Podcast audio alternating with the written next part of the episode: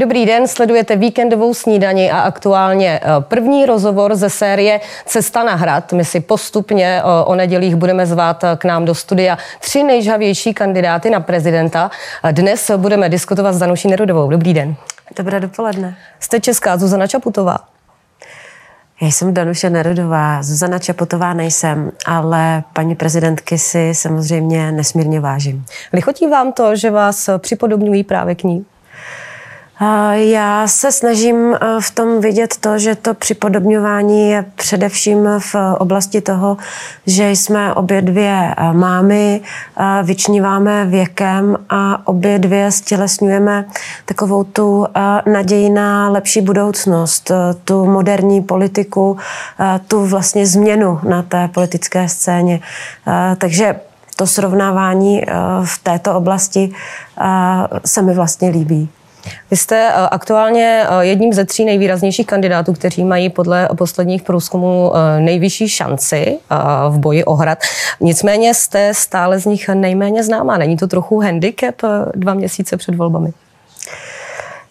V tuto chvíli sice ještě mám rezervy ve známosti, ale já si myslím, že je to také určitá výhoda, protože když objíždím regiony a vidím ty plné kulturní sály a divadla. Teď v pátek jsme byli v Hořicích, kde pro velký zájem jsme se z malého sálu museli přesunout do divadla, tak aby lidé nemuseli stát na schodech.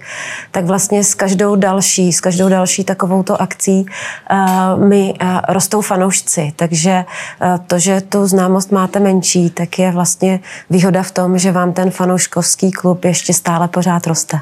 Kde se ve vás zrodilo to rozhodnutí, kdy byla ta chvíle, kdy si člověk řekne, já bych chtěl být českým prezidentem nebo českou prezidentkou, protože my jsme zvyklí spíš na to, že vlastně do té kandidatury jdou uh, politici, kteří mají dlouholeté zkušenosti. Vy nemáte uh, s politikou zkušenosti téměř žádné.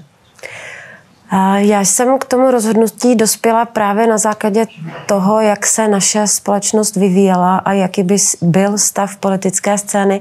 Na základě toho, že ta naše společnost, pořád o tom hovoříme, je hrozně rozdělená, nálepkujeme se. A já se domnívám, že právě to, že eh, jsem nadstranická, nikdy jsem nebyla eh, členkou žádné politické strany, ehm, netáhnu si žádnou kouli z minulosti, eh, nejsem součástí žádných politických um, afér, nikomu s politikou nic nedlužím, že to je obrovská devíza právě do situace, kdy ta společnost je rozdělená, protože takovýto člověk si může získat důvěru všech stran a může právě být tím moderátorem, tím, kdo naslouchá a vysvětluje, že v té společnosti uh, žijí rozdílné skupiny lidí, každá z nich má jiné potřeby uh, a že může dovést tu společnost k tomu, abychom se vzájemně začali poslouchat a chápat, že tu spolu všichni musíme žít, i když máme všichni odlišné potřeby. No a kdy, kdy došlo přesně k tomu vašemu rozhodnutí? Protože vlastně o vaší kandidatuře se spekulovalo. Už eh, tuším roka půl zpátky jsem se vás eh, u mě ve studiu ptala, eh, jestli Neru, Nerudová nahrad www stránky, jestli už opravdu máme tedy počítat s tím, že do toho boje půjdete. To je věc, která v člověku zraje strašně dlouho. Není to tak, že by se člověk ráno zbudil a řekl si, budu kandidovat na Tak kdy, kdy definitivně uzrálo to rozhodnutí? To rozhodnutí definitivně uzrálo někdy eh, v lednu nebo v únoru letošního roku. A bylo to eh, rozhodnutí vaše nebo eh, vašeho manžela, z čehož vás často podezírají lidé, že je to spíš jeho ambice než vaše vlastní?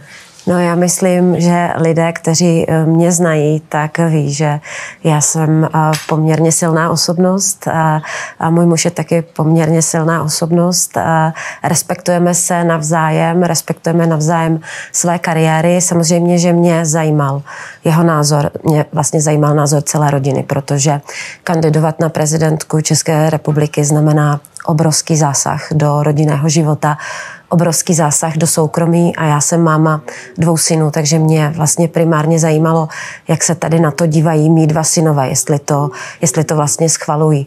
Uh, takže jsme to doma uh, diskutovali a potom, když mi, jak můj muž, tak mi synové řekli, že mám od nich plnou podporu a že mě celou dobu budou podporovat, tak potom já jsem učinila to závěrečné rozhodnutí, uh, že do toho skutečně půjdu.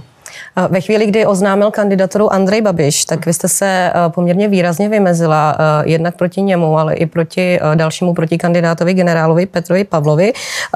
Odcituji, zatímco pánové protikandidáti budou v kampani řešit svou minulost, já jsem připravena zaměřit se na budoucnost nás všech. Což vlastně byla očividná narážka na to, že vy i vzhledem k vašemu věku nemáte komunistickou minulost. Myslíte si, že to je v dnešní době, 33 let po revoluci, ještě téma, které by rozhodovalo ty volby, na které uh, ty voliči uslyší? A ona to byla především narážka na uh, současný stav věcí na to, že právě v tom veřejném prostoru díky nebo kvůli těmto dvěma kandidátům vlastně pořád diskutujeme minulost. V tom veřejném prostoru vlastně vůbec nediskutujeme o tom, jak by naše společnost měla vypadat. A to je ten důvod, proč já kandiduji na a, a funkci prezidentky České republiky, protože mě, já chci změnit naši zemi a chci, a, aby ta země měla přívětivou tvář, aby měla přívětivou tvář pro starší spoluobčany, aby se nestávalo, že sedí a, nebo stojí fronty a, na České správě sociálního zabezpečení, když si žádají a, o předčasné důchody, protože to nejde udělat z domova. Chci, aby měla přívětivou tvář i pro mladé, kteří mají dneska pocit, že je nikdo neposlouchá, že jejich problémy nikdo neřeší. Právě proto, že se 30 let po revoluci zabýváme těmito tématy. Takže já jsem upozorňovala na to, že bych byla ráda, abychom skutečně vedli diskuzi o tom, jak si každý kandidát představuje, že by naše země měla za pět let vypadat a co nabízí voličům tady v této oblasti. Ještě eh, jeden citát, jestli byste nám vysvětlila. Naše společnost byla 8 let řízená jako firma, naše země se ale nedá řídit jako firma a mimochodem ani jako vojenská jednotka. Naši zemi je potřeba spravovat jako rodinu. Eh, mě zajímá, jestli se to dá a jak vlastně z pozice prezidenta se dá řídit stát jako rodina. Já jsem tady tento příměr eh, udělala právě, abych vysvětlila to, jakým způsobem eh, by prezident jako symbol, který vystupuje ve společnosti, tak jakým způsobem by tu společnost měl eh, ovlivňovat. Protože na jedné straně bychom měli podporovat ty, kteří jsou aktivní, měli bychom jim vytvářet podmínky, neměli bychom jim házet klacky pod nohy zbytečně, ale na druhé straně stejně jako v rodině, když máte někoho slabšího, tak se prostě o něho musíte postarat. A to je právě to, že naše společnost potřebuje pochopit, že eh, musíme skutečně podporovat ti, kteří jsou aktivní, podnikají, a na druhé straně musíme chápat, že jsou tu lidé, rodiče samoživitele, že jsou tu, um, že jsou tu uh, například handicapovaní lidé, kteří mají obrovský problém najít práci a o všechny tady ty slabší skupiny, uh, které mají prostě nějaký problém, tak se musíme postarat. Tak jako v rodině, když tam máte prostě někoho, kdo je slabší, taky se o něho musíte postarat. Já ten příměr uh, řídit stát jako rodinu chápu, nicméně mě zajímalo, jak byste to z pozice prezidentky zařídila, zajistila. Prezident je symbol, má obrovský neformální vliv. To, že v tuto chvíli ta funkce není vykonávána úplně aktivně, je věc druhá, ale prezident má obrovskou možnost upozornit například na to, že handicapovaní lidé velmi často vystudují školu, a nenajdou zaměstnání a jsou doma a nepracují. A musí nebo může upozorňovat na to, že jsou prostě samoživitelé, kteří mají dvě práce a nezůstává jim vůbec žádný čas na děti, že nemůžou uživit rodinu, že jsou tu s námi důchodci, kteří prostě nevedou důstojný život, protože 400 tisíc důchodců žije pod hranicí chudoby. Mimochodem, toto je obrovsky závažné téma a myslím si, že to je věc, kterou prezident musí otvírat a musí na to upozorňovat. Já si zkrátka myslím, že prezident je tu od toho, aby upozorňoval tady na tyto věci a otvíral nepříjemná témata. Protože každá vláda chce být znovu zvolena a těm nepříjemným tématům se tak trošku vyhýbá. Vy jste eh, jedno, jedním z kandidátů, které eh, podpořila koalice spolu, eh, zároveň jako ekonomka a vlastně vládu poměrně často kritizujete. Co dělá podle vás špatně aktuálně? A mně se třeba nelíbí, že vláda vytvořila ten deštník proti chudobě, ale vytvořila ho a otevřela ho tak pozdě, že mezi tím celá řada občanů zmokla, protože ten Otevřela deštník, pozdě. Otevřela ho pozdě. A některé ty programy měly být eh, hotové už před prázdninami. Takže zaspává vláda podle vás um, v řešení těch krizí, které jí přichází do cesty? Řeší je pozdě a mnohdy je řeší moc plošně, to znamená, že pomáhá i lidem, kteří to tolik nepotřebují a díky tomu málo pomáhá těm, kteří to skutečně potřebují. Takže já třeba tuto chvíli, už jsem to otevřela v minulém týdnu, si myslím, že je potřeba začít hovořit o sociálním tarifu eh, od ledna na elektrickou energii, protože když se podíváme na nejposlednější výzkumy, tak 8% domácností v tuto chvíli u nás má, má vyšší výdaje než příjmy a 28% domácností měsíčně neušetří vůbec nic. A to je přesně ta skupina, to je ta jedna třetina domácností, eh, na kterou by vláda měla zacílit ten sociální tarif, tak aby jim pomohla ještě daleko více eh, s placením jejich každoměsíčních složenek za elektrickou energii a za plyn. Národní ekonomická rada vlády naordinovala vládě dietu, předložila jí, jak ona sama říká, meny eh, zhruba 25 opatření, jak na výdajové, tak na příjmové stránce rozpočtu. Co byste jim z toho doporučila vybrat? A myslíte si, že opravdu vláda uh, dostojí svého slibu, že nebude zvyšovat daně? Eh, já v první řadě bych vládě eh, doporučila, aby přehodnotila výdajovou stranu státního rozpočtu. Dá se tam ještě na té výdajové straně to, to není o tom, že by si člověk eh, měl sednout a, začal, a, měl by začít škrtat jednotlivé položky, ale měl by přijít někdo, kdo zhodnotí ty agendy, které stát vykonává, protože některé z těch agend se vykonávají dvakrát nebo třikrát, což je obrovská neefektivita v tom systému. A já jsem předpokládala, že když hlavním bodem programovým vlády bylo, že budou konsolidovat veřejné finance, že toto skutečně nastane, že ta vláda tu revizi provede a že nám řekne, že třeba analytický odbor na ministerstvu financí sbírá ty stejné údaje jako analytický odbor na Ministerstvu práce sociálních věcí a že se tedy prostě rozhodnou, že tam bude jeden odbor, který to bude sbírat a že si ty, že si ty informace budou sdílet, protože my třeba máme zákon o sdílení informací, ale ten zákon je jenom na papíře. Ve skutečnosti si ty informace ministerstva nezdílejí. Tím by asi nenazbírala vláda desítky miliard korun, o které jí v tuto chvíli jde. Je... Naznačujete, že podle vás postupuje nesystémově, že to chce systémovější řešení, než prostě si sednout, vzít si tušku a papír a tady škrtnout jednu položku a tady druhou. Ano, já hovořím o tom, že je potřeba překopat v podstatě výdajovou stránku rozpočtu Co od nuly. A teprve potom, teprve potom uh, uh, při těch méně kvalitních službách, které vláda v tuto chvíli nabízí, teprve potom eh, může začít mluvit o tom, eh, že je potřeba zvyšovat nějaké daně. Ale ona neprovedla ten první krok a to je ta revize těch výdajů. A já si myslím, že voliči si to skutečně zaslouží, aby to bylo provedeno. Nicméně eh, ministr financí Stan Jura přece jenom ty škrty udělal a přišel s docela výraznou úsporou. Nestačilo to? Myslíte na, ještě rezervy? Myslíte na výdajové straně? Já jsem si nevšimla, že by, pro, že by proběhla revize agent, které vykonává stát. Já jsem si nevšimla, že by uh, se ty agendy postavily proti tomu, jaký je počet státních úředníků a někdo řekl, že ten počet je třeba příliš vysoký, ale ne, že střílí čísla od boku, ale že skutečně řekne, že třeba jsou agendy, které není potřeba dělat. Já jsem si ničeho takového bohužel nevšimla. Ta vláda to neudělala. Státní rozpočet se připravuje tak, že se indexuje. A ty výdaje se každý rok indexují oproti roku minulému. A my potřebujeme skutečně od podlahy, od nuly ten rozpočet vystavět znova. A to se nestalo. A já jsem si prostě myslela, že pro ten rok 2023 už bude mít vláda dostatečný prostor na to, aby toto udělala. A když, toto, když by toto udělala a skutečně ten rozpočet vystavěla od nuly, tak potom je relevantní přijít a říct voličům, prostě my nemáme dostatečně příjmy na to, abychom pokryli výdajovou stranu. Ale já znovu opakuju, že nic takového se nestalo. Prezident Miloš Zeman eh, nedávno vetoval eh, novelu státního rozpočtu na letošní rok. Bylo to tedy eh, v reakci asi zřejmě i na to, že Hrad měl ponížený rozpočet o 30 milionů korun v souvislosti s omilostněným Milošem, Milošem Balákem. Je tohle role prezidenta? Neměl by prezident šetřit vety? Neměl by zrovna třeba konkrétně rozpočet být opravdu zodpovědností vlády? Rozpočet je zodpovědností vlády, ale prezident má právo veta. A v tomto eh, případě vy byste to vetovala taky? V tomto případě já vyčítám prezidentovi vlastně nulovou komunikaci ve vztahu k tvorbě státního rozpočtu.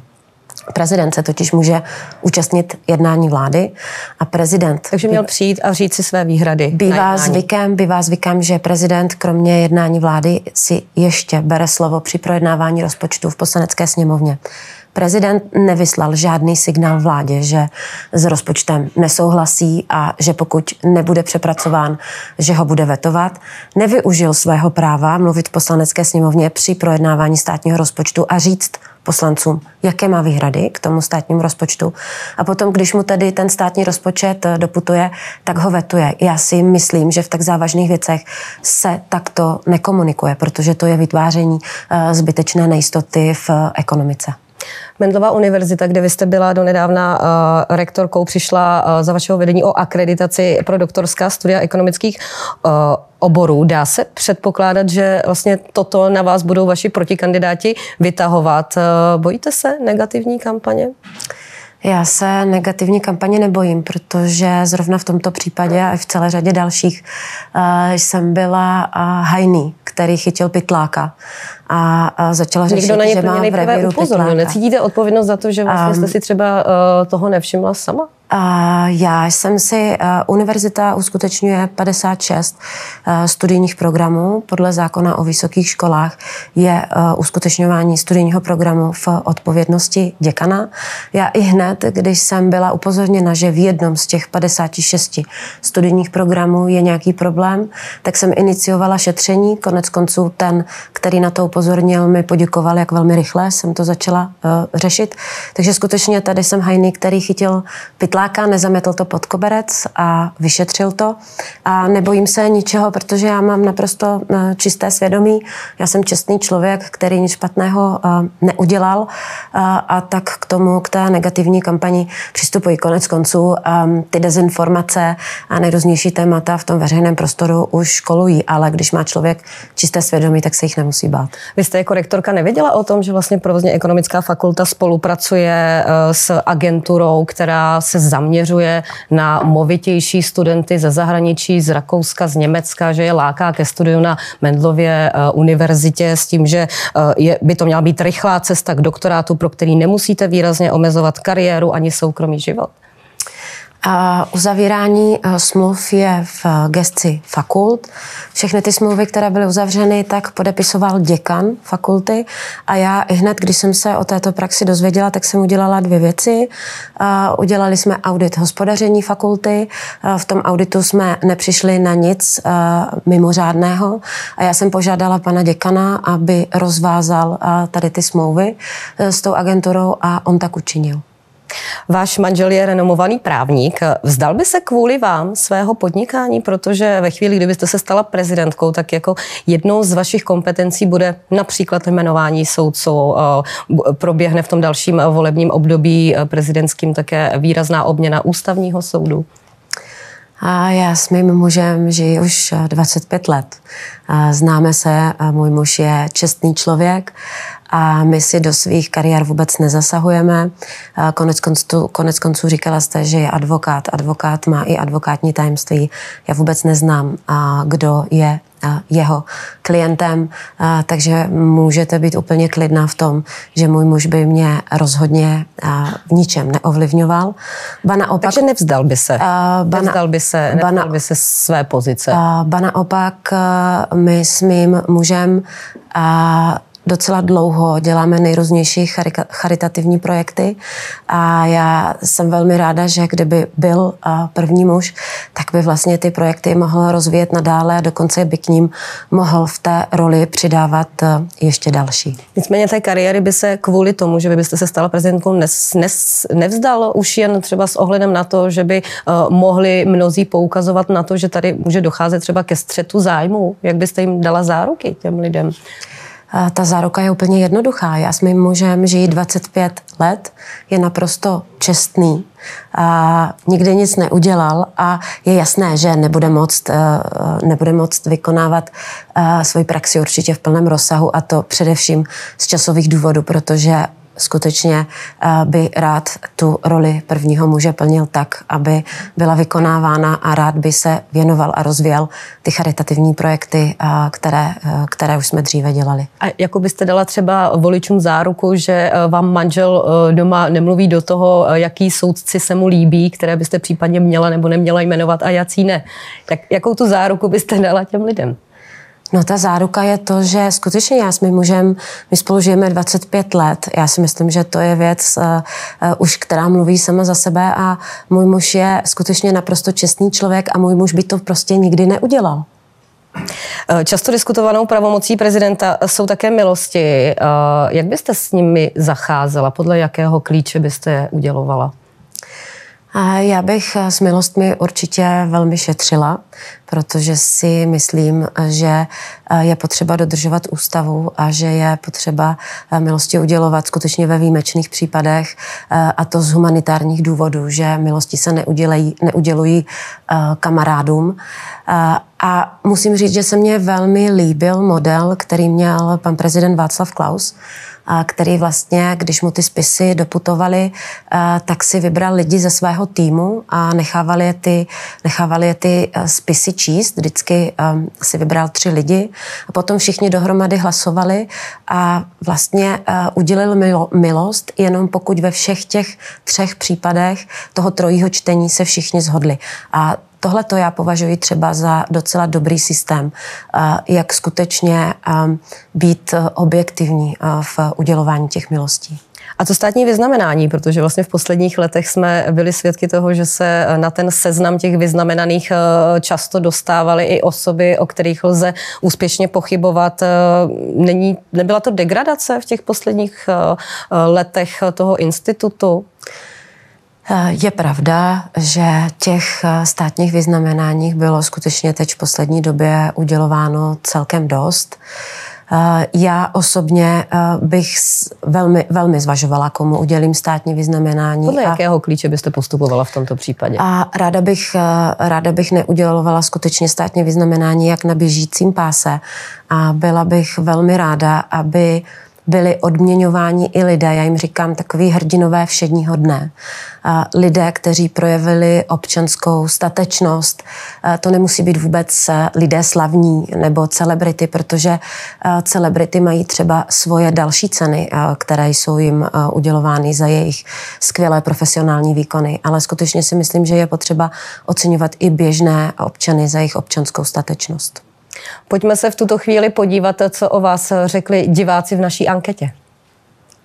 Danuše Nerudová se mi líbí. Uh, líbí se mi mladá, perspektivní a pravděpodobně jí dám svůj hlas. Paní Nerudovou na to názor nemám, ale pokud bych to třeba přirovnala, já nevím, paní Nerudová versus paní Čaputová, tak mám také dojem, že by vznikla taková jakási symbioza. Nemůže se srovnávat s generálem Pavlem anebo panem Fischerem.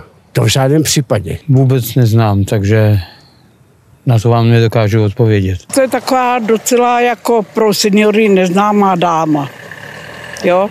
Takže o té vůbec jako bych neuvažovala. To je nám sympatická, i s kolegyněma v práci jsme o ní hovořili, no, takže o té taky víme něco. Mám vybranou ženu a to z toho důvodu, že se mi líbí, jak vládne žena na Slovensku a líbí se mi její předvolební program a i to, jak hovořila, jak se vyjadřuje a tak dále. Tu popravdě vůbec neznám, vůbec jako nevím, o koho jde, takže, takže nemůžu říct. No. Vůbec neznám, znám ji pouze, že ji podporuje pan prezident eh, Zeman, ale slyšel jsem o ní víceméně minulý týden poprvé. Já ji neznám moc teda, jo, takže ji nemůžu nějak hodnotit, nebo jak, jak bych k tomu měl přistoupit. Nevím, vůbec neznám. Takže pro mě je těžký soudit, jako když nevím. A tohle jméno mi bohužel teda nic neříká. Žena by tam byla potřeba, ale, ale neznám úplně její kandidaturu a její program, nebo prostě názory, bohužel. Nevím, o koho jde ani.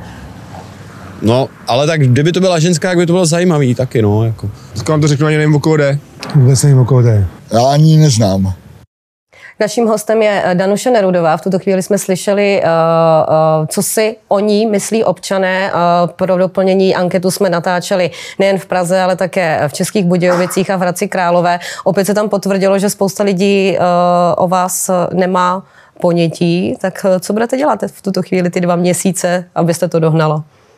No to je samozřejmě obrovská příležitost eh, získat eh, další fanoušky, takže dál budu dělat... Budete pořád na cestě?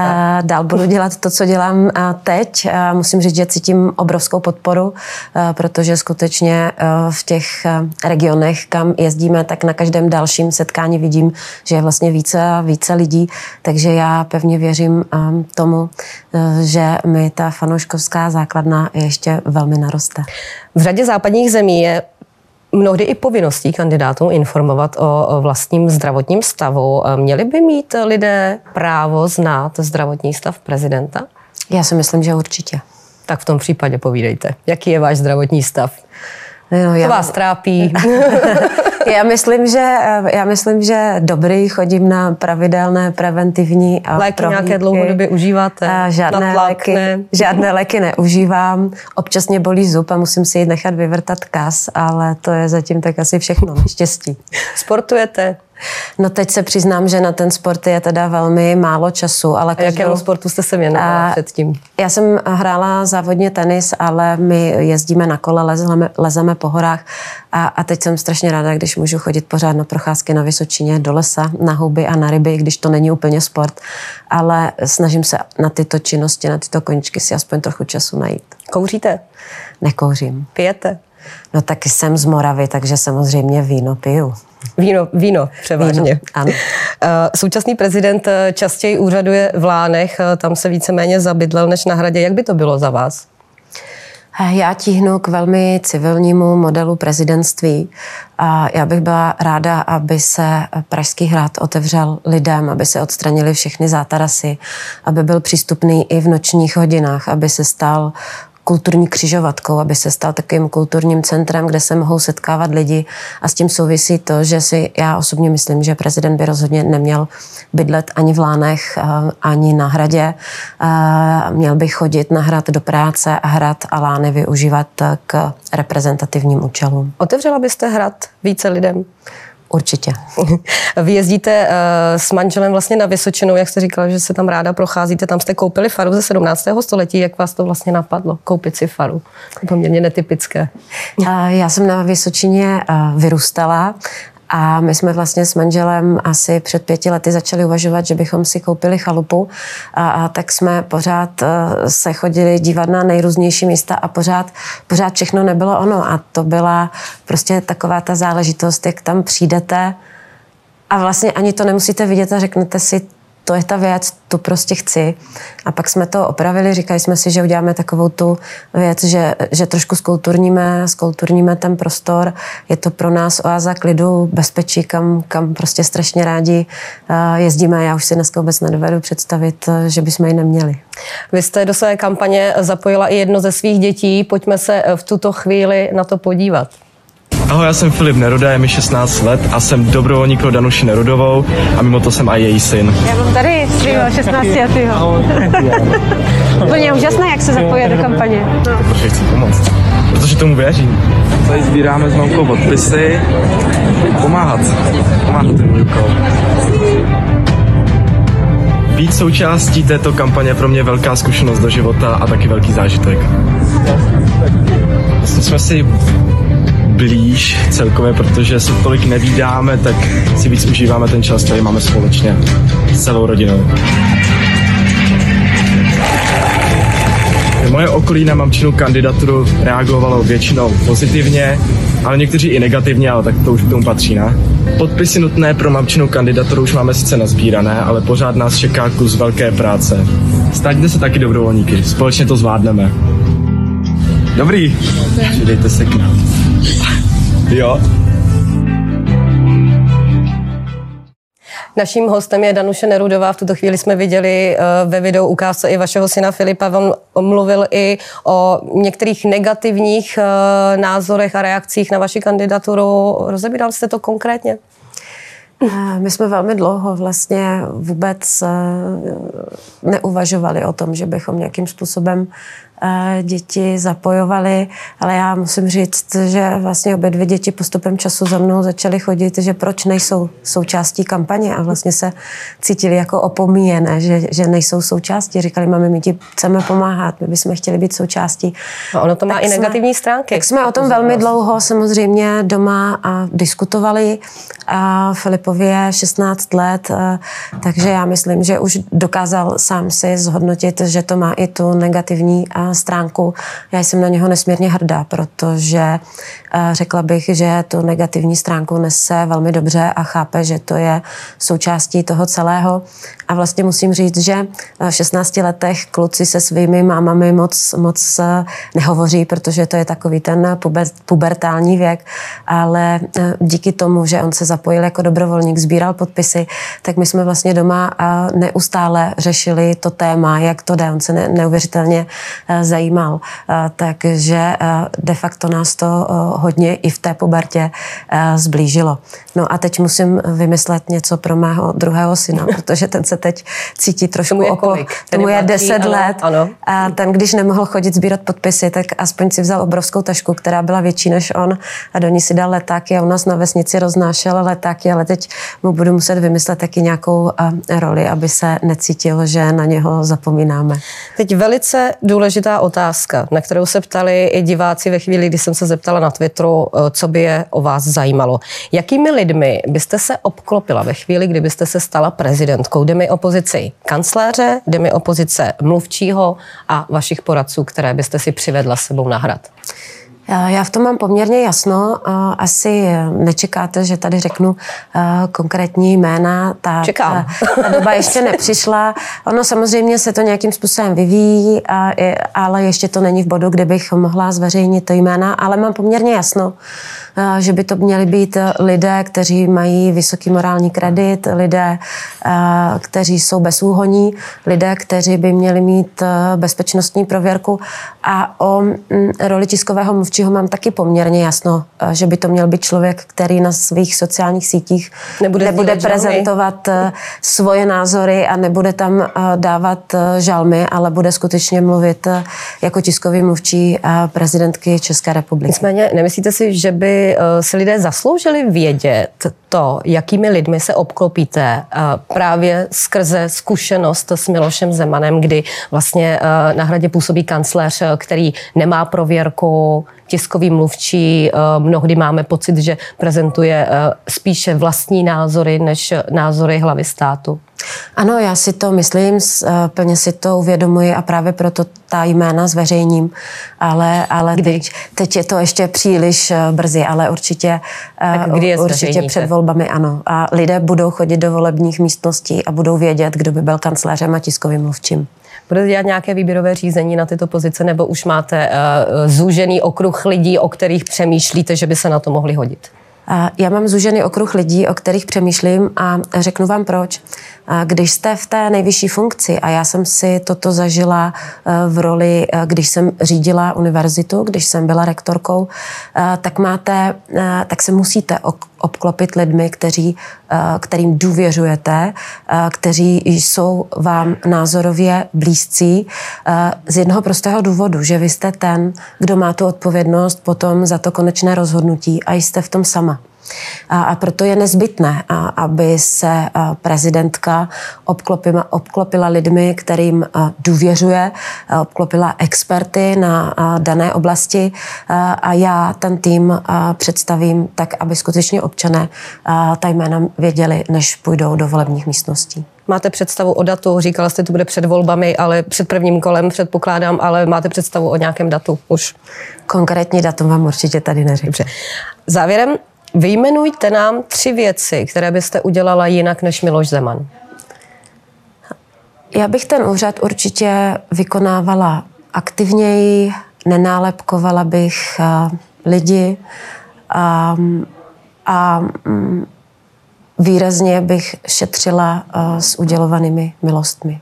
Takže jste narážela v tuto chvíli na uh, které uh, tři věci, které Miloš Zeman udělal a vy jste s tím nesouhlasili? Uh, které, bych, které bych dělala jinak, ale musím říct, že uh, v čem bych určitě pokračovala, tak to je to, že pan prezident Zeman jezdil do té nejzapadlejší vesničky, kam se nikdy žádný politik nepodíval. A já bych ráda jezdila do regionu, kde se lidem nežije tak dobře, jako ve zbytku republiky. A ráda bych otvírala to téma, že se nám rozvírají nůžky, že jsou regiony, kde lidé nemají dostupné kvalitní vzdělání pro své děti, že nemají dostupnou kvalitní lékařskou péči, že jedou strašně dlouho k lékaři a že nemůžou najít zubaře. V tomto, v tomto bych určitě pokračovala. Díky, že jste přijela a byla naším hostem. Naschledanou. Děkuji za pozvání. Naschledanou. A díky i vám, našim divákům, že jste se dívali. Viděli jste první rozhovor eh, ze série Cesta na hrad. Eh, příští týden přijde do studia Andrej Babiš. Naschledanou.